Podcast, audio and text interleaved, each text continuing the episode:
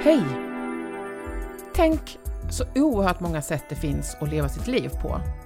Och så lite vi ändå vet om hur andra har det. Vi vet mycket om de som finns nära oss och så en del om olika kändisar förstås. Men hur ser livet ut för alla andra? I den här podden så pratar jag med kända och okända, vänner och bekanta om deras liv och vardag. Vi börjar alltid med att prata om något som ligger väldigt nära gästen just nu. Och efter det så tar jag reda på lite mer om vem han eller hon är.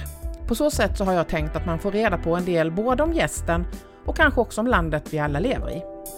Välkommen till Livet i landet. Idag ska jag få prata om det som kanske är det allra bästa jag vet, nämligen musik.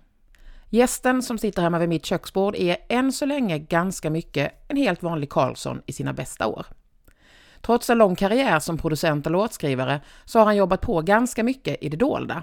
Dels hemma i Halmstad, men också en del i Köpenhamn och USA. Men senare i år så kommer plattan som jag tror kommer att sätta både Staffan Karlsson och Sweet Spot-studion i Harplinge rejält på kartan, nämligen Gyllene Tiders comeback Hux Flux. Själv har jag känt Staffan i lite drygt ett år. Då hade vi det första av det som sedan har kommit att bli ganska många samtal om musik och fotboll.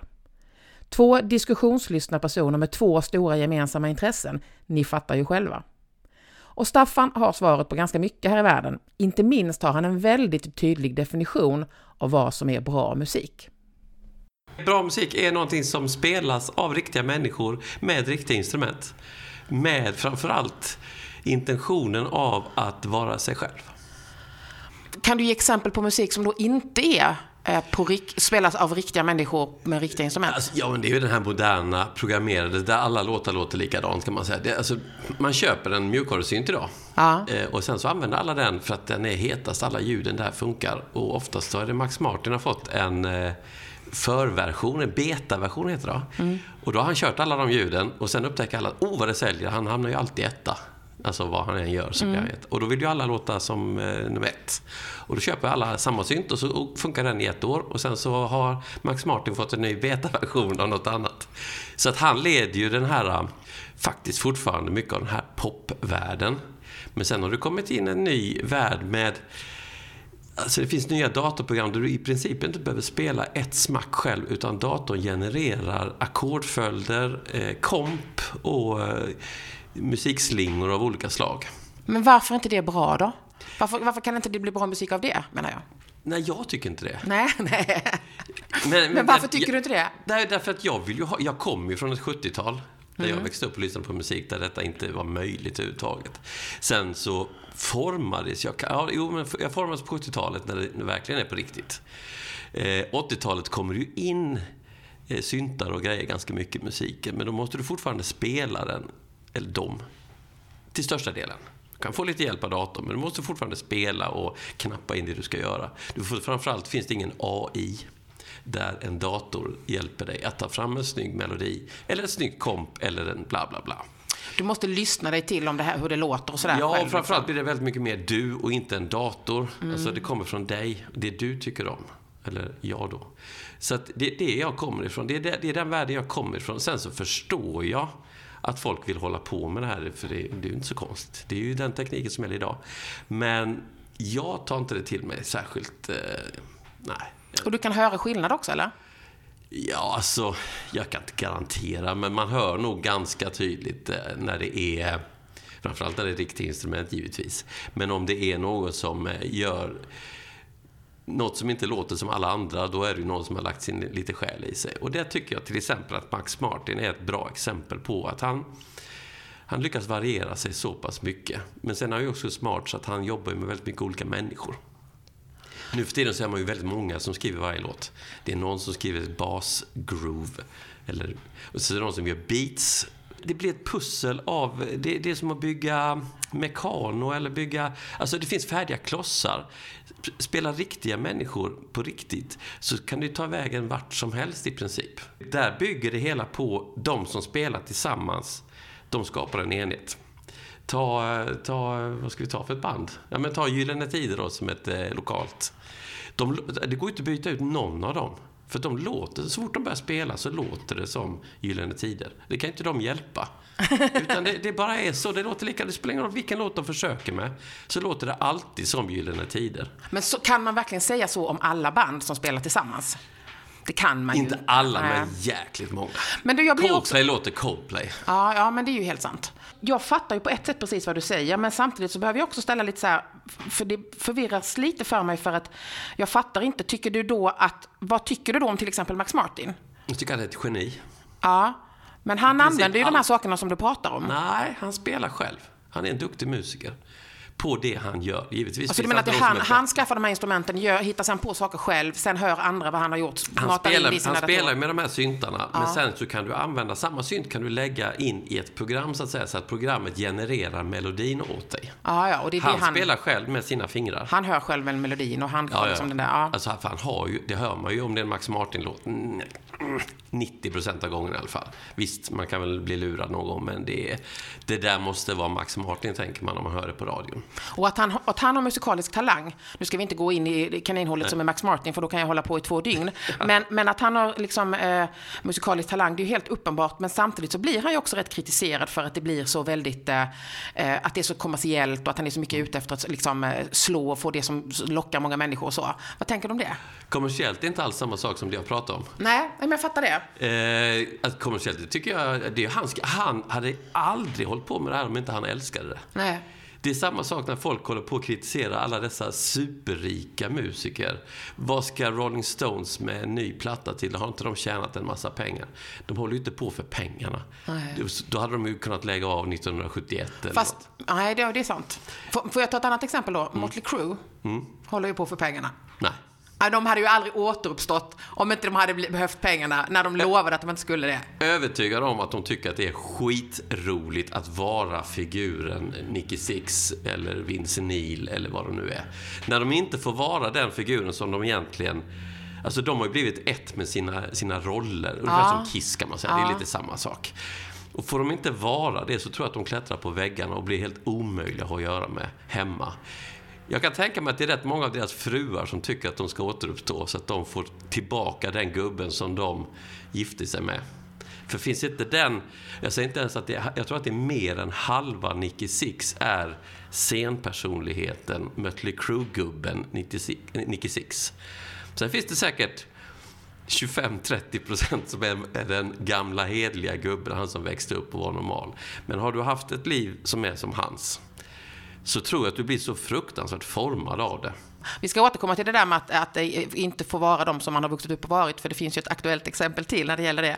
Men en annan sak som handlar om det här med riktiga människor som spelar på riktiga instrument, som också förvirrar mig, för du och jag är uppvuxna på samma 80-tal, där det liksom var eh, eh, hårdrock versus synt, och där jag för min del ju tyckte att min, mitt svar på varför jag tyckte hårdrock var grejen var ju för att de spelar på riktigt. Och några jäkla syntar som håller på, dator, eh, ja, eh, fixade liksom, det är inte på riktigt. Medan du ju är, verkligen är liksom gammal syntkille. Nej, det är, alltså, jag hade två favoritband och det var Judas Priest och Depeche Mode. Ja, Okej då, så att du var ju på båda lägren såklart. Men jag menar, du, du, du tyckte inte om samma sak som jag om Depeche Mode, låt oss säga så. Mm, men då, det här, nu kommer.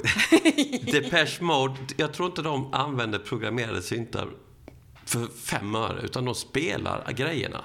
Det är det som är, gör att de är så intressanta. Det är därför, jag har nog inte träffat ett enda hårdrocksband som inte på topp tre nämn, av sina favoritband så nämner de Depeche Mode. För att det är en otrolig fabrik att skapa stämningar, ett mörker och ett elände och ändå bryta ut i en durklang som är från, eh, nu ska vi inte kalla det för himlen för den finns ju inte, men om vi säger en blomsteräng då. eh, nej, men alltså, det är alltså, varenda hårdrockare jag har träffat, och jag har ju träffat några stycken, har Depeche Mode på topp tre. Så är det bara. Och det är lite grann samma sak med kraftverk då, eller? För det är mitt andra Oh ja. exempel. Ja. Det finns, eh, Kraftwerk kan vi ta en rolig, eh, jag har en kompis som är gammal syntare. Han ringer till mig för vi spelar in ett band som heter Meshuggah som spelar väldigt hård hårdrock. Komplicerat som atta, jag begriper inte ett smack, men jag jobbade med det. I alla fall så ringde han. Är det sant att de är i studion? Ja, ja det är. Ja, men det det, det, var- ja, men, alltså, det är inte möjligt. Jo, jo, jo, jo. Ja, men alltså, de, de är ju som kraftverk, säger han. Va? Vad menar du? Ja, bra. Jag tycker det är fantastiskt. Ja, det är det faktiskt. Och Kraftwerk spelar också sina grejer själva. Ja. Det, är- det är därför det tar så jävla tid gissar De är ju... De kommer från en gammal skola som är gissningsvis 10-20-tal, där det är minimalismen. Du spelar, alltså poängen är att det räcker, räcker att ta en ton i en låt, så är det det ultimata. Men det är väldigt svårt att få en ton, att, bara, att folk ska kalla det för en låt. Utan oftast måste du sätta ihop en sekvens av toner för att någon ska tycka att det är en låt. Då gör de i princip så få toner som möjligt och får det till musik. Och det är, det är, den, det finns, det är ju en skola de eh, går efter. Tysk, eh, vad ska vi kalla det för? Jugend? Nej, jag vet inte. Vad heter han? Shophouse eller vad heter han? Ja, du frågar någon som ja, men det är så här, ja. Det är någon gammal tysk som eh, liksom tog, tog detta till sin spets. Och det har de ju. För de är ju utbildade på musikkonservatoriet i Düsseldorf eller någon annan tysk stad. ja, just det. Så de är ju högutbildade musiker, de som spelar kraftverk. Det är ju riktiga eh, män. Väljer då att göra minimalism. Så det, det är så det här är... Det är lite rörigt det där vem som spelar. Alltså, Ja, är det spelar på det. riktigt? Är det så här, man behöver inte spela massor med toner. Man behöver inte vara Mike Amott och spela blädder, blädder, blädder, blädder. Utan spelar du tre toner som alla älskar så räcker de tre ju. Ja. Och det har ju återigen, för att runda av tillbaka till Max Martin, bevisat också. Mm. Men du, jag undrar också lite grann då, för du har ju hållit på med musik i eh, eh, typ hela ditt vuxna liv. Mm. Hur många gånger har du sådana här diskussioner med människor? Som liksom, för det här är ju verkligen en ås... Du har ju en definition såklart som är Mm. din.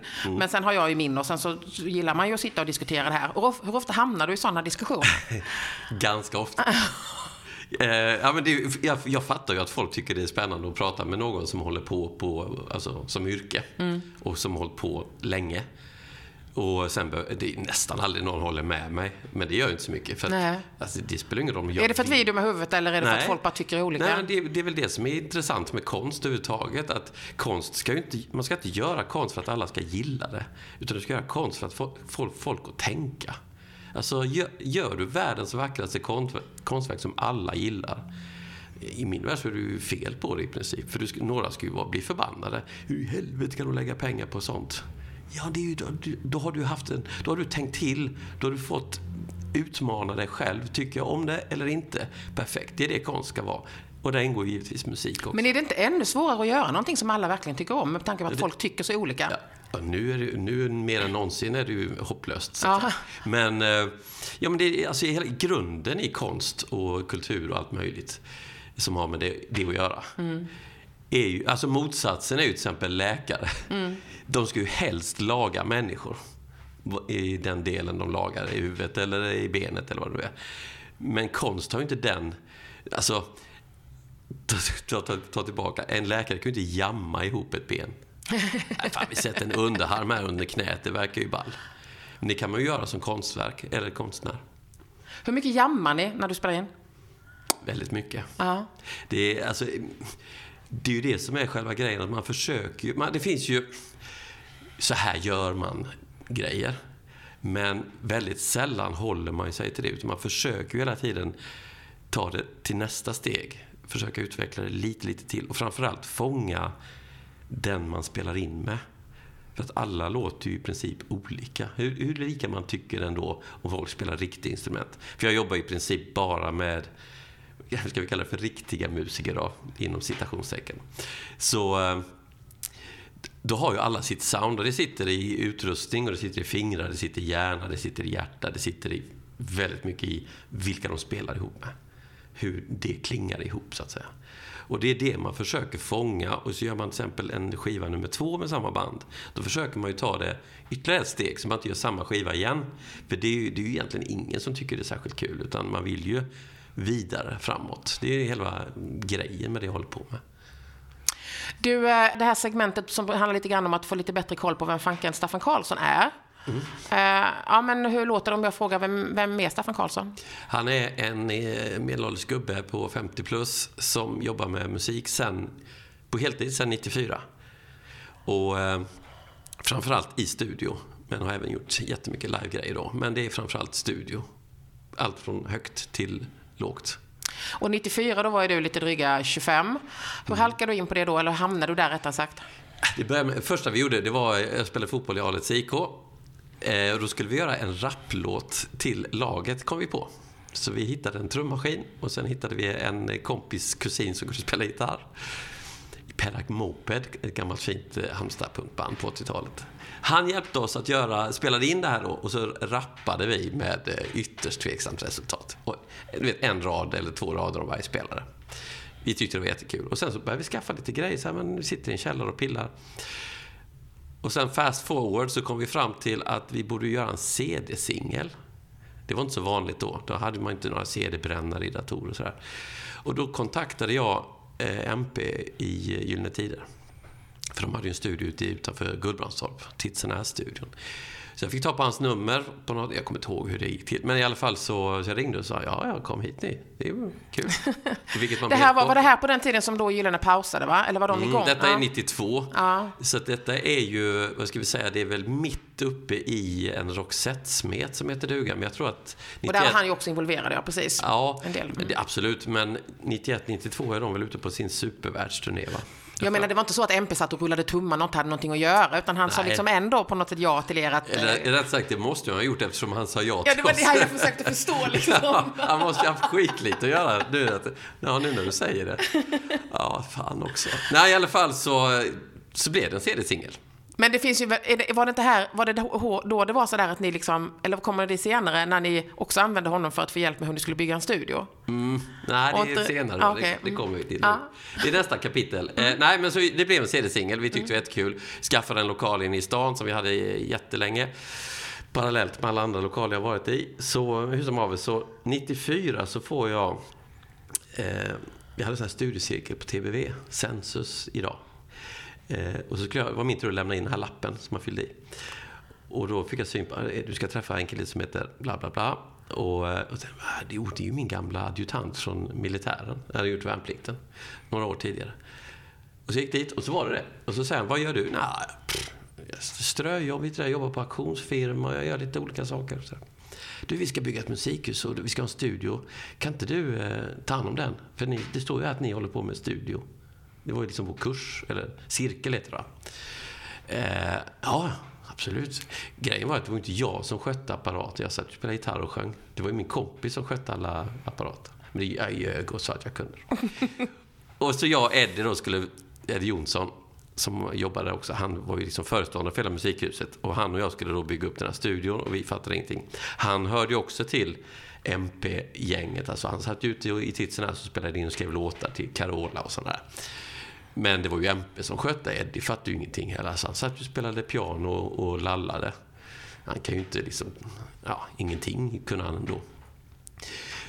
Så vi ljög och sen så skaffade vi grejer och köpte det och sen så köpte vi, så tittade på, tittade på det här mixerbordet fullt med hål på baksidan och så gick vi till musikalen och köpte en sladd till varje hål. Och så stoppade vi in det och sen så tittade vi, så, fan ska det inte vara något i andra änden på sladden då? Alltså, det, det, alltså detta är sant. Vi ringer till MP, sa vi då. MP, du får... Eh, kan hur, han la Sluta, jag kommer. Så han körde ut då till Vallås, upp där. Och så sa, tittade han på det, så vad håller ni på med? Ta ut alla sladdarna och lämna dem på musikalen. Nu börjar vi rita och sätta ihop det här då. Så blev det att han hjälpte oss att sätta ihop eh, grejerna. Vi fick ju givetvis göra det själva, men vi hade honom som bollplank. Och sen spelade vi in där i, pff, jag var där till år 2000 ungefär. Mm. Så det sista jag gjorde där var en platta med The Rockets som blev det låter jävligt eh, skränig och garageig och jävligt... Är det Turn It Up-plattan eller? Mm. Ah. Det är det sista jag gjorde där. Det visste jag inte att det var där ni spelade in den. Nej. Jag älskar den plattan. Ja, ja det är bra. Men så det, man kan säga att du är självlärd via MP till mm. att liksom ha det här jobbet? Mm. Mm. Som så han, många andra i den Han har varit min kanske. mentor liksom, eh, alltid. Det är min... Eh, jag tror det är min bästa vän, kanske. Ah. Topp eh, top ett i alla fall. Ah. Minst. Han kanske är topp noll. Nej, men han är, han är alltså en otroligt fin människa. Vad är det viktigaste han har lärt dig? Exakt allt. Exakt. Ja, det enda som är lite sur på honom för, det är att när vi, vi flyttade ihop sen då vid 2000. Alltså jag började jobba ute i Tidsen i, i, utanför Gullbrandstorp 99, säger vi. Där som Micke och Gyllene Tiders eh, och Roxettes eh, ja, har spelat in. Mm. Ja, allt det där, The Look och allt det där. Mm. I alla fall så, jag fick nyckel och larmkod och så, så jag började spela in och grejer där ute. Och så när han inte var där så kunde jag sitta där och pilla. Det gjorde att han hjälpte mig med allt, hur man spelar in, placerar mikrofoner, datorprogram, hur funkar det, hur ska jag tänka och så vidare. Du vet, hela den här biten. Men jag slapp ju spela själv, för han var ju så jävla bra på att spela alla instrument. Mm. Så att mitt spelande gick ju fullständigt... Jag var aldrig bra innan heller.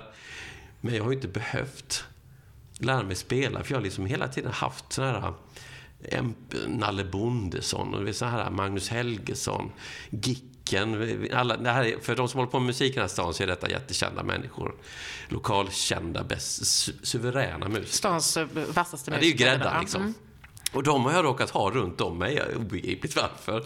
Men så har det bara varit. Jag tror det har med Empo att göra. Det var honom de flockades kring och jag smet runt hörnet då. Och passade på och grejer. Så här. Men i alla fall så... Så jag har aldrig behövt lära mig spela. Och det är lite synd. Men, eh, och, det är, och det är med din definition? För ja, men den, den definitionen är nog jävligt allmän. Okay. Eh, för du kan ju spela, men du kanske inte kan spela på den nivån som behövs när man ska spela in grejer, eller? Eh, ja, alltså, någon som träffar mig som aldrig har spelat ett, ett instrument och så sätter jag mig och spelar gitarr, då tycker de att jag är jätteduktig. Men när de själva suttit med gitarr i fem minuter så inser de att ah, så bra är jag ju inte. Okay. Du har ju också inte hela tiden bara varit eh, med MPO i Halmstad, för du har ju också varit i USA ett tag. Mm. När var det du var där? Det började 98, att jag var i Köpenhamn faktiskt. Varannan vecka ungefär så jobbade jag i en studio i Köpenhamn. Och då ska det komma musiker från Earth, Wind Fire och spela in en platta med en dansk basist som hette Henning Øysted Pedersen. Superbasist. Numera bortgången, men ändå. Så frågade de mig, vill du köra, alltså vara maskinskötare, köra Pro, Pro Tools som det här musikprogrammet heter som man använder? Eh, absolut. Alltså Earth, Wind Fire, herregud, jag växte ju upp med det. Min storebror lyssnade ju alltid på Earth, Wind Fire och sån musik. Så det är klart man har liksom, lyssnat på dem. Så de kommer till, eh, till Köpenhamn då, vi hämtar dem på Kastrup och så kör vi in till studion och sen så, då kommer inte Henning Öysted för att hans skivbolag säger nej. Jag sitter kvar med de här killarna från Earth, Wind Fire och så, ja, vad gör vi nu? Säger de. Ja, vi kan ju jobba med andra danska artister här. Hela studion är full av superduktiga musiker. Det var ju dansk jazz är väldigt fin, alltså det är väldigt bra musiker. Och så var det de här Gasolin-killarna och bröderna Olsen höll på med den här jävla Fly on the wings of love. Det var i studion bredvid, jag satt och höll på att bli galen. I alla fall så, eh, så började vi spela in med danska musiker. Jag höll på det i tio dagar. Och så säger de, vi hinner ju inte färdigt. Vi drar hem till LA. Vill du följa med och fortsätta inspelningen? eh, ja. Så jag åker med dit. Och då hamnar jag i ett hus där, där studion ligger. Och han som har den studion heter Marcel East och det är Nathan Easts bror. Nathan East är en basist som spelar med Clapton, Toto, Michael Jackson. Alltså, ta alla. Han är topp fem liksom i världen. Alla har han spelat med. Det är hans studio. I, i rummet där, där man stod och sjöng sångbåset så hängde en diamantsingel. Det var den här Easy Lover, du kommer ihåg den här? Ja, ja. Philip Bailey, Phil Collins och Nathan East. Mm. De som har gjort den. Den är gjord i den studion. Det fanns en vägg som var signerad med alla som har jobbat där. Jag signerade givetvis, jag med. Men det var ju Aretha Franklin och det var alltså alla de värsta du kan tänka dig. Och där satt jag. Och fick bo på översta våningen ihop med Tom Pettys trummis Steve Ferroni. det är helt bisarrt. Från, och det jag har gjort precis innan, det är Rockets Turn It Up. Det är, eller Turn It On heter det, va? Så det var därifrån jag kom. Helt sjukt. Det är ganska stor skillnad. Spela in med Earth, Wind Fire. Jag var hos Stevie Wonder och spelade in med honom. Jag spelade in med George Duke, med eh, Pauline da Costa. Alltså det är sådana här supermusiker som dyker upp. Och kan man sin sån här eh, smooth jazz och Michael Jackson soul-gänget, eh, då vet man vilka de här är. Så att och en av dem som jag kom närmast var en av de två som var över i Köpenhamn som heter Morris Pleasure. Han var ju med i Michael Jacksons This is it-band. Han har varit kapellmästare åt Janet Jackson. This is it är den här eh, konserten han skulle göra i samband med att han dog, va? Ja, 50 gig i London. Mm. Och så, det är ju under repetitionerna som han dör. Så han är ju med i den här videon som är gjord. This is it, gjorde en dokumentär om den. Där är han med och spelar. Så han är med i bandet. Och sen så har han varit kapellis åt eh, Bette Midler och alltså det är, hans första gig när han är 14-15 år, det är basist åt Ray Charles. Det är en supermusiker liksom, man fattar ingenting. Det är så, och där sitter jag. Och ja, det är helt osannolikt. Men vi hade då en, redan på Eddie-tiden på Vallås, så hade vi en sägning. Ett eh, talspråk, eller vad det för. Och det är slumpen gynnar den förberedde. Och det är inte vi som har kommit på utan det är någon klok man någonstans. En grek säkert. Mm. Aristoteles, låter det som. Mm. Men, eh, eh, alltså se till så slumpen drabbar dig. Säg ja. Alltså, var med. Var inte så jävla mot allting, utan säg ja. Vad kan hända? Men nu när du sitter och snackar om det och man lyssnar på det så tänker man med, precis som du säger, att det är ju helt, det är helt galet. Mm. Fick du nypa dig i armen när du satt där då eller var du uppfylld av det som pågick då så du inte riktigt begrep det då? Alltså det var så fruktansvärt mycket att göra och stressigt så att jag hann aldrig liksom tänka att oh, nu kommer han och, och det här. Helt plötsligt sitter jag med Stevie Wonder, han håller om mig och sitter och lyssnar på det vi har spelat in. Man bara, oh, det här var ju konstigt. Det är en av få gångerna som jag bara reagerar på vad fan händer. För att det var så fruktansvärt mycket. Så att jag blev, jag blev så jäkla utbränd. Och det har man ju liksom skojat eller skrattat åt. Att fan kan det bli utbränd? Hur jobbigt kan det vara?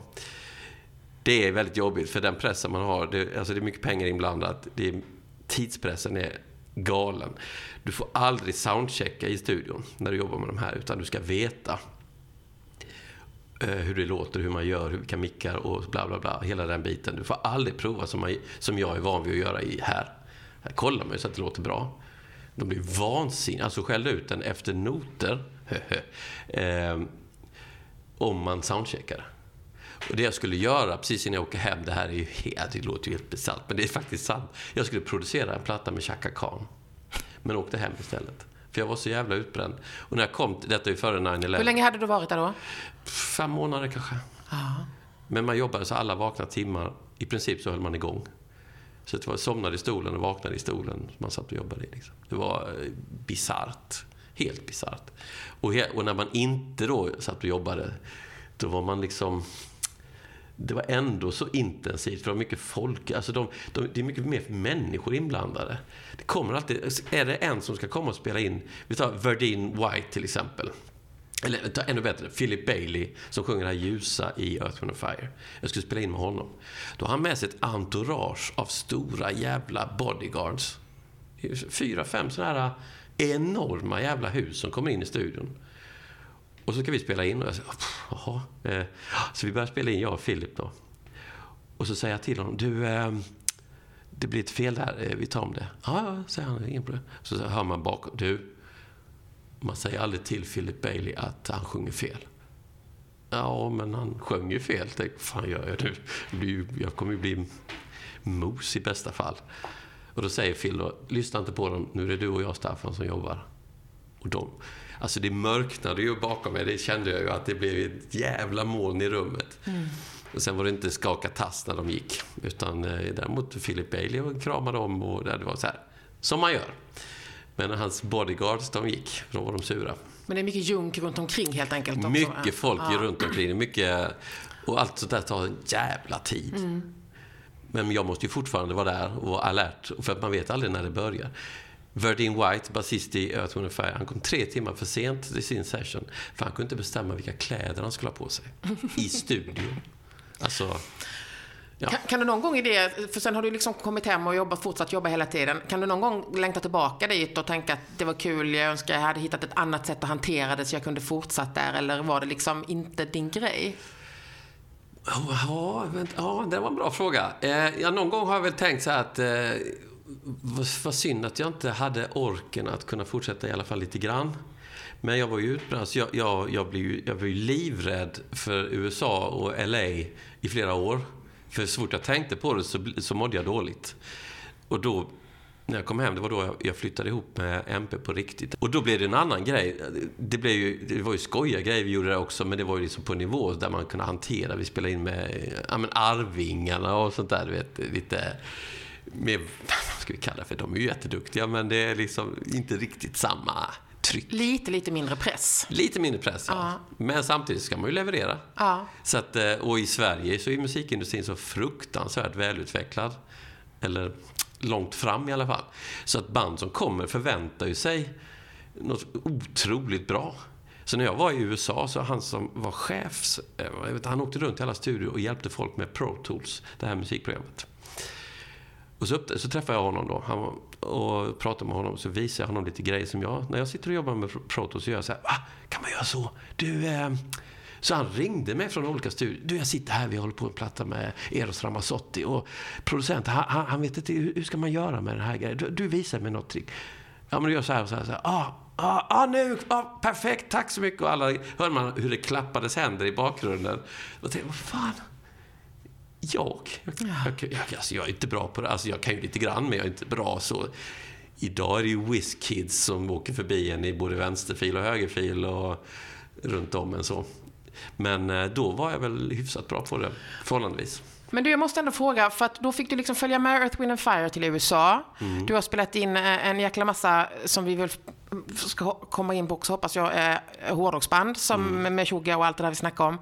Eh, och nu då Gyllene också, mm. som gärna vill ha dig. Så vad är det du är bra på då? För du säger hela tiden, jag kan inte det, jag kan inte det. Kan... Men, men någonstans måste du vara bra på något eftersom ja. du hamnar i de där sammanhangen. Ja, det kan man fan fråga sig. Alltså jag är inte så särskilt bra på att mixa och vrida på rattar och så här, men jag är faktiskt, det får man inte säga egentligen, men jo, nu var jag i USA. Jag. Och då lärde man sig i USA, då säger man så här, jag är fruktansvärt bra på hmm, att få folk att leverera eh, på en högre nivå än vad de egentligen är på. Att leverera i studio, det är jag väldigt, väldigt bra på. Skapa bra stämning, eh, göra att folk tycker det är kul. För det är Gör man inte det i studio, då blir det inte bra. Det hörs direkt. Så det är jag bra på. Hur gör du det? Det har jag också funderat på. Men det är väldigt, väldigt mycket eh, att... Alltså ska man ha någon utbildning i det jag håller på med så är det väl psykolog eller något. alltså det med el och tele, jag kan inte ett skit. Jag kan inte öppna en apparat, jag vet ingenting om hur det fungerar inuti. Och är helt ointresserad. Jag är intresserad av människorna. Återigen, det där vi pratade om innan. Riktiga människor som spelar. Och alla riktiga människor är olika. Mm. I princip alla i alla fall. Och då gäller det att liksom tassa fram och lära känna folk. Det är bara det att här har man ju oftast ganska kort tid på sig. Så det gäller ju att eh, samla på sig erfarenhet. Och det, det, där, det där är man ju inte så bra på första gångerna. Men jag upptäckte ganska tidigt, redan på Wallåstiden, att jag var, var ganska bra på att få folk att tycka att, att det var kul. Så det, det är väl den talangen jag har då. Det, vi har ju lite fasta frågor som jag ska avrunda med också. Och det är ju så mycket med eh, de här olika sakerna du har jobbat med som jag vill egentligen gå in på. Och mm. vi, kommer inte, vi kommer inte hinna med allting. Mm. Så jag tänker att jag liksom mest bara eh, konstaterar att eh, Sweet Spot-studion som du nu sitter i ute i Harplinge, mm. ju de senaste åren har blivit mest profilerad för att göra mycket hårdrock. Mm. Säg några namn ni har jobbat med. Ja, kändast är väl Arch Enemy och Meshuggah. Ja, om, om det är nu är känt för någon. Jo, men det, för den världen så är det ja, ju det. Ja. ja. Och Spiritual Beggars, Opeth, eh, ja, sådana där band. Hur har det kommit sig att det har blivit så mycket hårdrock? Det är för att jag jobbar med en kille som heter Rickard Bengtsson, som eh, etablerade sig i hårdrocksvärlden. Eh, han höll på med hårdrock själv. Och givetvis lärde han ju känna de hårdrockarna som fanns i stan, till exempel Michael Amott och sådana här snubbar. Och när han då bygger den här stora studien ute i Harplinge, vi startar 2007 eller vad det är, 2008 någonstans där. Så åker de ju med. Och då blir det att, han har ju redan spelat in med eh, Arch Enemy. Eh, och de följde bara med. Och då skulle jag, fick jag frågan om jag kunde sitta med och, eller hjälpa till att tracka, det vill säga spela in eh, gitarr eller vad det nu var på någon skiva vi höll på med kan du komma ut hit och göra det? För vi kände varandra lite grann, jag och Rickard. Bara så här träffats liksom, men inte... Umgicks absolut inte. Jo, det kan jag göra. Så jag åkte ut dit och sen blev jag kvar. alltså, jag åkte aldrig hem igen. Nej. Men eh, så hade jag parallellt, jag hade min egen studio då. Först med, nej inte, då hade vi lämnat hem, men först med Eddie då. Och sen så allt eftersom så flyttade jag ut mer och mer och 2018 så la vi ner studion inne i stan som vi hade sån här liten, där jag spelade in all sång March Enemy till exempel. Så eh, med både Alissa och Angela Gossow då, det är ju Världsstjärnor på Ja, vär, alltså supervärldsstjärnor ja. som stod i en sunkig liten lägenhet utan varmvatten. Eh, äh, skit, ja jo det var rätt skitigt och jävligt. Men eh, det är fantastiskt. Så att de, där spelar vi in eh, på tre Arch Enemy-skivor. Mm. Men för sen tänker jag så här då att det har ju ändå, eh, alltså det är ju stora, i hårdrocksvärlden är det här ju stora produktioner, du har gjort en massa grejer och så, men jag har väl ändå en, ganska rätt i att du är hyfsat mycket doldis, eller? Mm. Nu har inte jag varit i Halmstad på ganska länge, men jag menar, det är klart att folk i stan vet vem du är, men ändå inte mm. ganska mycket doldis. Oh ja. Nu kommer ju det att ändras. Räknar du med det? Nej. Du gör inte det? Nej. Nej, det gör jag absolut Nej, okej. Okay. För det blev i alla fall så, för att göra en lång historia kort. Det blev nämligen så att eh, Gyllene Tider, de hade avskedsspelning för vad det nu är, tre, fyra år sedan och skulle inte återkomma. Och sen så hux flux så eh, kom de på andra tankar. Och där har du varit ganska involverad. Berätta på vilket sätt du har varit det. Det började med att covid kom. Mm. Eh, MP, som Per Gessle brukar jobba med, hamnade i eh, karantän. Och då behövde han någon annanstans att spela in för då skulle de göra en eh, Mono Mind-låt. En sån här eh, disco-grej han har, sån här robot-disco som han håller på med. Och då skulle vi göra sång på det. Eh, och ute hos oss så fanns det ju gott om plats. Det är ju en ganska stor studio, så där hade, kunde man ju hålla avstånd. Och det höll vi faktiskt. Det var inte bara snack, utan vi höll faktiskt avstånd. Och då började vi, för vi hade ju träffats givetvis långt innan i den här studion inne i stan. Så vi kände ju varandra lite grann. Så. Men i alla fall så tyckte vi att, eh, alltså, han skrev efteråt, fan vad roligt det var. Du är en kul kille att jobba med. Det är kul att höra. Mm. Men det är återigen där, jag är inte så jävla bra, för det är kul att jobba med. Ja. Och sen så började vi spela in mer och mer. Vi har gjort massa demos som aldrig har kommit ut. Vi har gjort massa sådana här snack, när han pratar om låtar på skivor så brukar han alltid lägga till spår när han berättar om låtarna. Så har vi gjort massa sånt. Och så har vi bara fortsatt. Och sen så hör han av sig uh, runt jul kanske, säger vi. Vad blir det? Ett och ett halvt år sedan. Och frågar, du, eh, vi, vi är ett lokalt band som skulle vilja spela in en skiva. Uh, kan vi göra det hos dig? Du får vara med om du vill. Ja, vad är det för ett lokalt band? Ja, men det är fem talanger från bygden som funderar på att göra en skiva. Då fattade jag ju givetvis vad det var. Men det var ju jättehemligt. Och det blev framflyttat ett par omgångar. Men så gjorde vi det i alla fall i juni förra året. Då spelade vi in med hela bandet. Ja, just det. De stod i en ring och så satt jag i ringen och sen så filmades alltihopa med massa videokameror och foto. Konstant filmad. Jag hade en kamera i ansiktet, en meter från ansiktet i en vecka. Första dagen var det inte roligt. Andra dagen, hmm, tredje dagen, äh, skit i det. Det, blir, det är ju som det är. Det men men, du, men du var, vet du någonting, det här skulle ju Per själv såklart svara på, men vet du någonting om vad det var som gjorde att de liksom bestämde sig för att nej, men vi kör igen fast vi sa att vi skulle inte göra det? Precis, tror jag, det som vi pratade om innan i början. Att det har inte med pengarna att göra, utan det har med, det här är en del av de här figurerna. Gyllene Tider är en stor del av de här människorna.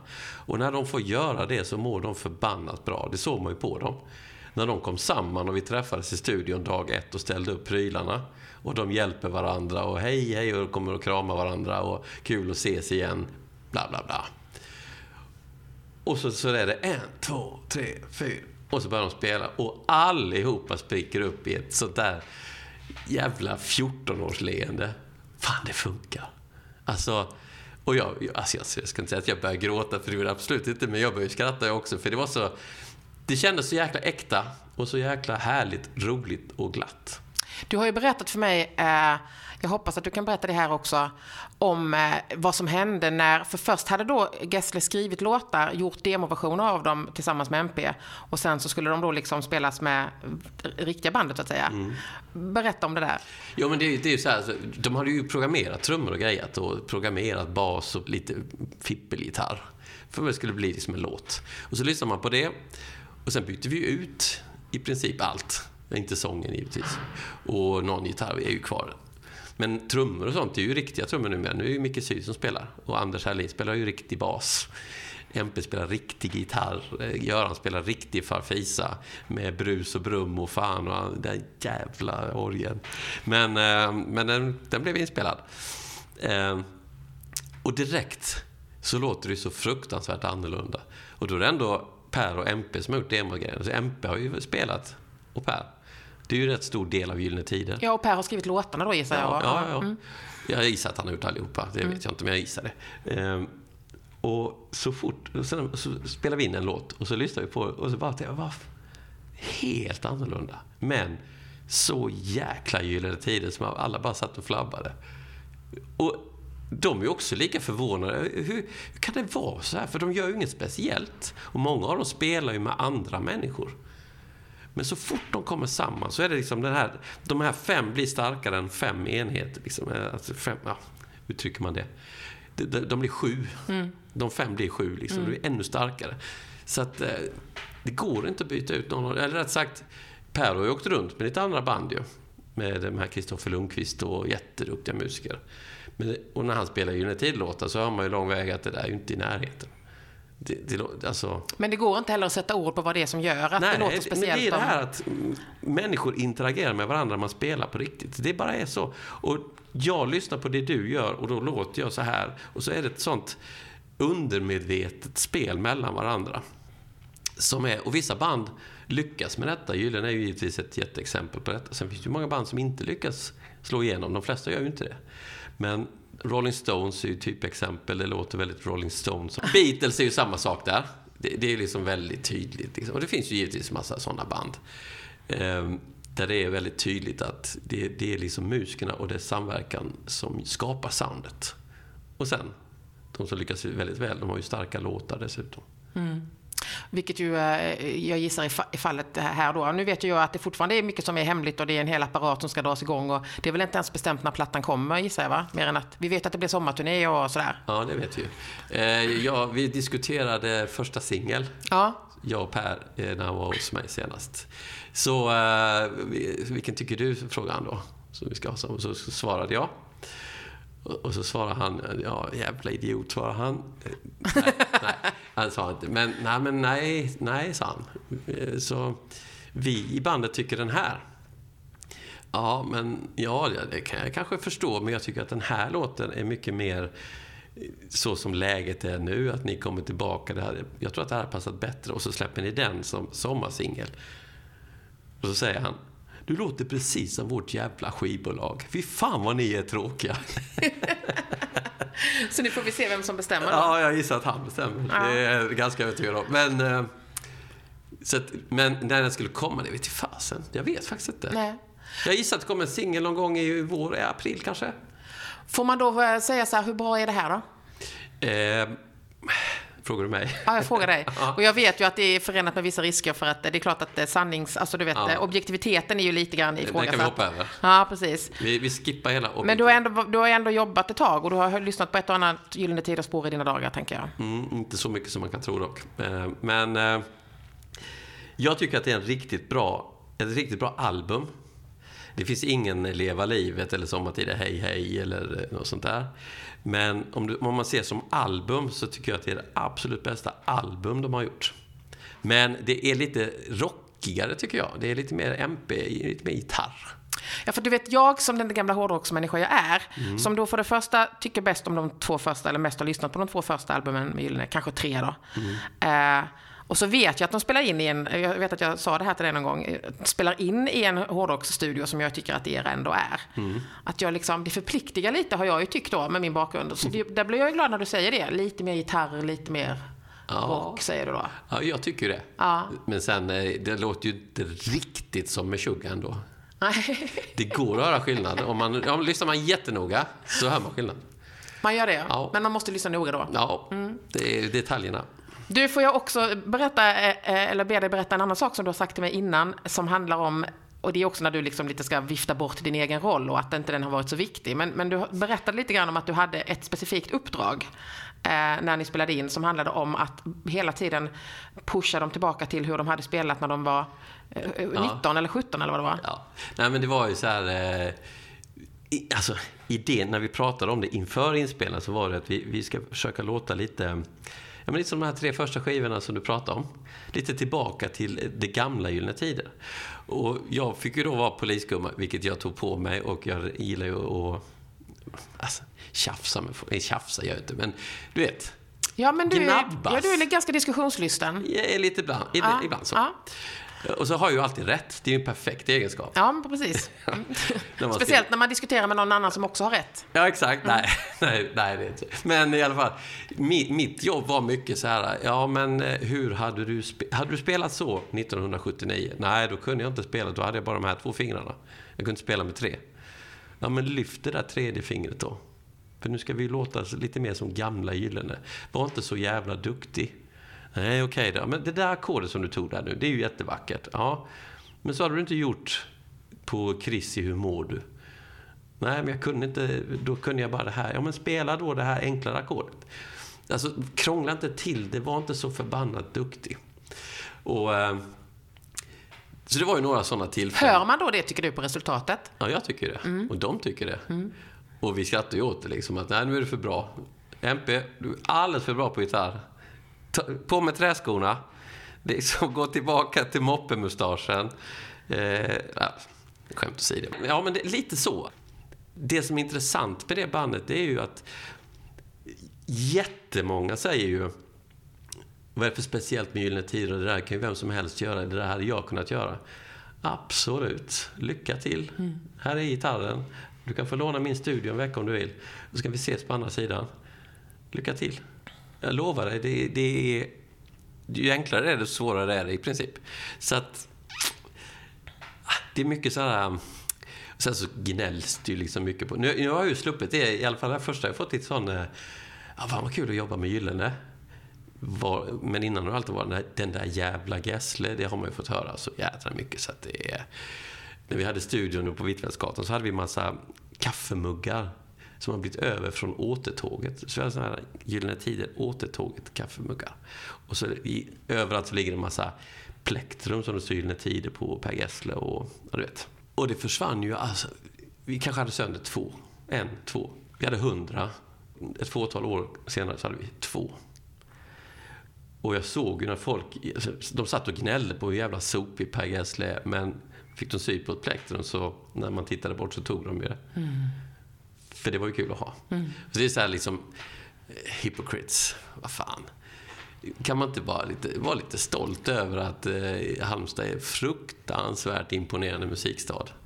Det är få städer i Europa, världen, givetvis får vi räkna bort Nashville och superstäder där de har samlats. Men du tar normala städer med 100 000 invånare så är Halmstad nog rätt så unikt alltså.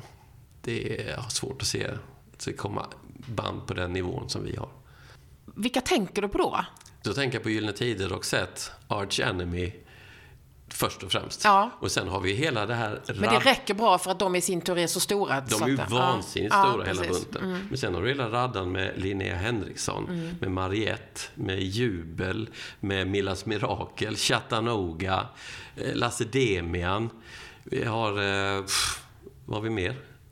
Kommer inte på några. Ja, vi har också Shining, ett annat hårdrocksband. Ja, just det. Och Linnea Olsson tänker jag, Spirit ja, of Beggars. Och, ja. och sen med alla de här, uh, mycket musiker som ju spelar med andra och mm. sådär. Mm. Och det finns ännu fler som jag inte kommer på nu på volley här som, är, som det har gått bra för. Så att det, är alltså, det är en musikstad som är otrolig egentligen. Ja, som sagt, vi kan ju prata om musik hur länge som helst, men nu har jag då de här fasta frågorna som jag ställer till alla gäster. Och eh, då är den första av dem, vilken livsförändring är du mest stolt över? Det kan man ju tolka den frågan lite på olika sätt. Men eh, det var Det är nog... lite meningen. Ja, jag förstår det. Den förändring jag gjorde, det var när jag, eh, överdrivet uttryckt, kastade mig ut i det här. För jag var liksom inte... Jag har inte det här i min familj. Vi är inte musiker, någon i vår familj. Liksom. Jag har en storebror som är ganska duktig. Men han är inte musiker. Han jobbar med datorer. Man tycker det är kul med musik. Och så har vi lyssnat mycket på musik. Men jag... Återigen det här, säg ja. Jag fick chansen och tog den. Och den förändringen var ju monumental från eh, jobbat med sälja inramningsgrejer, ramlister, eh, auktionsfirma och så vidare. Så den förändringen gjorde ju att mycket av mitt umgänge förändrades ju. Från att ha varit en fotbollskille där allting liksom cirkulerade kring fotbollen. Så började det cirkulera kring fotbollen, var ju kvar, fortfarande kvar. Men eh, det blev ju jättemycket musiker man började hänga med och prata med och blev kompis med. Så att den förändringen är nog den som jag är mest stolt över att jag faktiskt gjorde det. Mm. Ja, men spännande. Det, jag kan säga det att det är ganska vanligt att människor, just de där karriärförändringargarna är det många som upplever. De är stora steg att ta när man mm. gör, alltså det är större än vad man kan tro mm. och får ofta väldigt stor betydelse för en. Mm. Men i och med att det var så, det kom från ingenstans i ja. princip. Det var liksom inte väntat att jag skulle hade, exempel... men, men, men om vi ska, för jag fattar fortfarande inte riktigt, vad var det som var själva utlösande faktorn där då att det blev på något vis? Nej, det var det här eh, samtalet faktiskt på TBV Sensus. Ja. Eh, Att vi ska bygga det här musikhuset. Men då hade du ändå bör, det hade ju börjat lite Ja, grann då. det var ju hobbyn. Jag jobbade ju. Alltså, jag höll ju på med musik höll jag på med en gång i veckan. Ja, men du höll ändå på med musik när du växte upp och sådär också och spelade och... Ja, alltså jag spelade tvärflöjt i kommunala musikskolan. Men det tyckte då min lärare att jag kanske skulle göra något annat istället. Han tyckte inte Du hade inte band och grejer och så då? jag har aldrig haft. Nej. Helt ointresserad av att repa. Verkar ju skittråkigt om man ska, jag ska vara ärlig. Men eh, nej, det har aldrig... aldrig jo, vi hade ju det här kollektivet då, som den här studion där Angela och Alice och de här sjöng in. Där hade vi liksom ett kollektiv på 90-talet. Där var vi sex killar som höll på. Och de fyra av dem hade liksom band och höll på att repa. Och så var det jag och min kompis, vi som hade börjat i en annan källare. Vi var ju helt ointresserade av att spela med någon, att, att öva och hålla på och greja. Vi ville ju spela in. Vi spelade in, det var det vi gjorde. Ja, och la minst lika mycket tid på det som de la på repa. Ja, men det är en spännande väg in då, helt Mm. klart, måste man säga. Du, eh, sen har jag en annan sån fråga som alltid är så kul. Den kan man också tolka på väldigt många olika sätt. Men jag undrar då, vem av dina vänner eller bekanta har ett liv som skiljer sig mest från ditt? Ja, den, jag funderar faktiskt på den. Ja. Och det som, är, som jag kom på då, som är jävligt fyndigt, nej det är det ju inte. Men det märkliga är att min pappa, eh, jobb, han var jurist, han var lagman. Dömde tjuvar och banditer och annat. Han var ju tvungen att förhålla sig till lagar, regler. Det var liksom verkligen, du- han kan ju inte jamma. Alltså, vad fan. Ah, råna en bank, alltså, hur farligt kan det vara? Men nästa vecka, jo men det där är allvar. Det är ju alltid samma, som, det ska bedömas utifrån en lagbok som är fast skriven, som stiftas av vår riksdag. Eh, och så vidare. Och jag i princip hela tiden försökt bryta mot alla lagar, menar jag inte de lagar han höll på med, utan lagar som är hur spelar man in en elgitarr?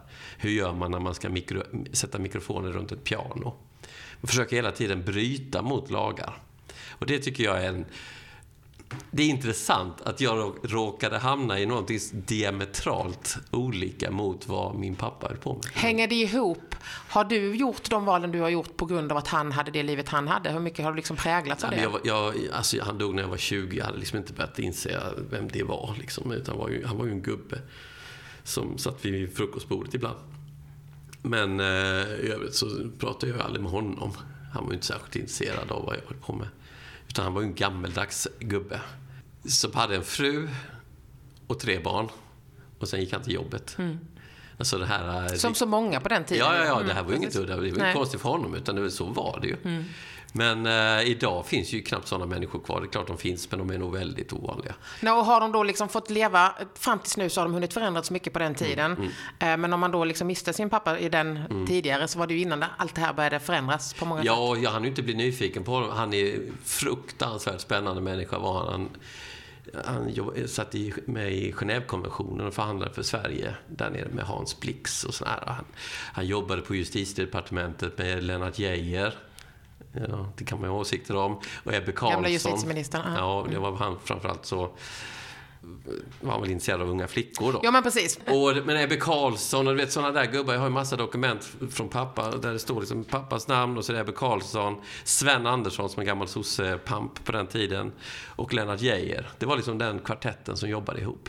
Och så jobbade han med Hans Blix nere i Strasbourg när de förhandlade med Genèvekonventionen. Det får jag reda på när han är död. Jag har ingen aning om. Så att jag hittar ju papper och så frågar man, mamma, mamma vad, är, vad är detta mamma? Alltså, vad är, vet du inte det? Nej, jag har ingen aning. Och så berättar hon då. Det hade varit rätt kul att fråga om. Ja, visst. Framförallt, eh, fan kan du jobba med Lennart Geijer, din jävel. Men, eh, nej men det är alltså, det är, tänk, att träffa någon som varit med på den nivån. Verkligen. Eh, Och så på ett 70-tal i Sverige som var ultrakorrupt, men alla människor såg eh, politiken som en auktoritet Ah. som inte gjorde fel. Och Palme gick in och räddade folk till höger och vänster, framförallt Geijer, snus är snus och strunt är strunt och så vidare. Det, kom ju från, det är ju därifrån den Mm. tiden. Så att eh, det hade varit kul att få höra om det där schackspelet. Ja. Och just höra på det där, alltså bara en sån sak som just hur man såg på hela Geijer-grejen. För Mm. att i, med dagens glasögon ser vi på det på ett sätt, men det är klart man inte uppfattade det som lika upprörande då Nej. som vi gör idag. Helt annat. Så att, eh, ja, för gud. Men, men också spännande som du säger att, eh, att det är han som liksom, att hans liv och ditt liv har blivit så väldigt olika. Mm, Jäkla olika alltså. Mm, väldigt spännande. Ja. Kul svar, fyndigt svar. Jag håller med om det faktiskt. Mm. Du, eh, vad är lyx för dig? Det här, nu kommer det, det tråkiga då. Alltså, ta, det, om detta nu var fyndigt så är det här jävligt ofyndigt. Men det är ganska viktigt för mig. Lyx är tystnad. För att jag sitter och... Alltså jag jobbar med ljud och musik och hela tiden. Det är alltid ljud. Det är inte hög volym, men det är ljud. Så jag sitter och koncentrerar mig på att försöka höra vad som händer. Vad är det, vad är det för frekvenser som krockar med varandra? Och alltid sen när jag är då ledig, om man säger så, då är det alltid någon jävel som vill att man ska lyssna på det de gör i sin studio. Eller de, har, de vill lyssna på, vad tycker du om det här bandet? Jag ska alltid jobba med mina öron, jag ska alltid analysera. Så att lyxstund, det är när, man, när det är helt jäkla tyst. Kan du få lite tysta stunder varje dag så, eller hur? Går ut med vovven till exempel, så är det ju ofta ganska tyst. Annars är det nog ganska så eh, lite med det. Du, sen undrar jag ju också eh, vad du gör när du har en timme över. Då pluggar jag på det jag jobbar med. Hur då menar du? Eh, Youtube är ju ett fantastiskt redskap idag. Och så finns det väldigt mycket duktiga musikproducenter och annat som gör Youtube-klipp som handlar om ny teknik, nya lösningar. Eller att de förklarar hur gjorde de när de spelade in den här låten med eh, Kinks, eller med Beatles, eller whatever. Eh, hur gjorde de? Kan jag snappa upp någonting från detta? Så jag pluggar varje dag, säkert en timme i alla fall. Alltså sju dagar i veckan, möjligtvis åtta. Eh, så kör jag pluggar. Men, ja, men, men, men det, är- det är ju inte att ha en timme över, det är ju att jobba. Mm, men det är det jag gör på den timmen. men, om, men, när du in, men om du inte Ja, då, ska ja, jobba? då, då, då, ja, det är den här timmen jag går ut med hunden då. Ja, okej. Så de går ju ihop. Då. Men alltså jag sätter mig inte ner. Ja, sen finns det ju givetvis att kolla på fotboll. Ja, just det. Det gör du ju också. Ja. Då och men, då. jag- Men då ja, men jag, och jag är ju sådär konstig för jag, jag skiter ju hur det går i matcherna. Jag skiter fullständigt i vem som vinner. Jag har liksom inte... Jag håller på Liverpool, men jag skiter i om de vinner. Jag vill se bra fotboll. Den som har lyssnat på Sigge Cirkus, den här podden vi håller på med, har ju upptäckt att jag är nog rätt dum i huvudet. Och det, nu upptäcker man det, om inte annat nu då, att jag är inte så intresserad av vilka som vinner. Utan jag vill se bra, kallar det för underhållning, men bra fotboll. Det här är spännande för du gör ju tillsammans med tre andra killar en podd som handlar om Halmstads bollklubb. Och det här är ju en av vattendelarna som ni ofta diskuterar då. Är det viktigast att vinna? Är det viktigast att spela snygg fotboll? Och så har ni lite olika åsikter. På tal om att vara diskussionslysten då. Det har man ju hört några gånger. Men det är ett ämne för en helt annan podd och det har du ju som sagt en som du kan göra. Eh, sista frågan då är, vad vill du lära dig mer om? Det är mitt yrke. Ja. Och ännu bättre, eller rättare sagt, ännu snabbare på att analysera människor jag ska jobba med. Och det låter som att jag går in och försöker göra någon psykoanalys, det är inte det. Utan på snabbast möjliga sätt, eftersom man oftast har så jävla koncentrerad tid. För folk har inte råd att lägga massa pengar i studier längre. Då måste man snabbt komma fram till och komma överens om saker och ting. Och lära sig att bli ännu bättre på det. Och det, tyvärr så finns det ju bara ett sätt och det är ju erfarenhet. Man kanske kan läsa till grunder, men det är fortfarande så att har man med människor att göra så är det grunderna är bara en liten 20% av allt det andra. Därför att nästa människa fungerar på ett helt annat sätt. Du har lyssnat på Livet i landet, en fristående podcast av mig, Linda Thulin. Om du inte vill missa nästa avsnitt så kan du prenumerera. Du kan också sätta betyg på podden om du vill. Det här är en podd som helt saknar finansiering, men om du vill bidra till att jag kan fortsätta så kan du läsa mer på livetilandet.se. Jag hoppas att vi hörs igen. Hej då!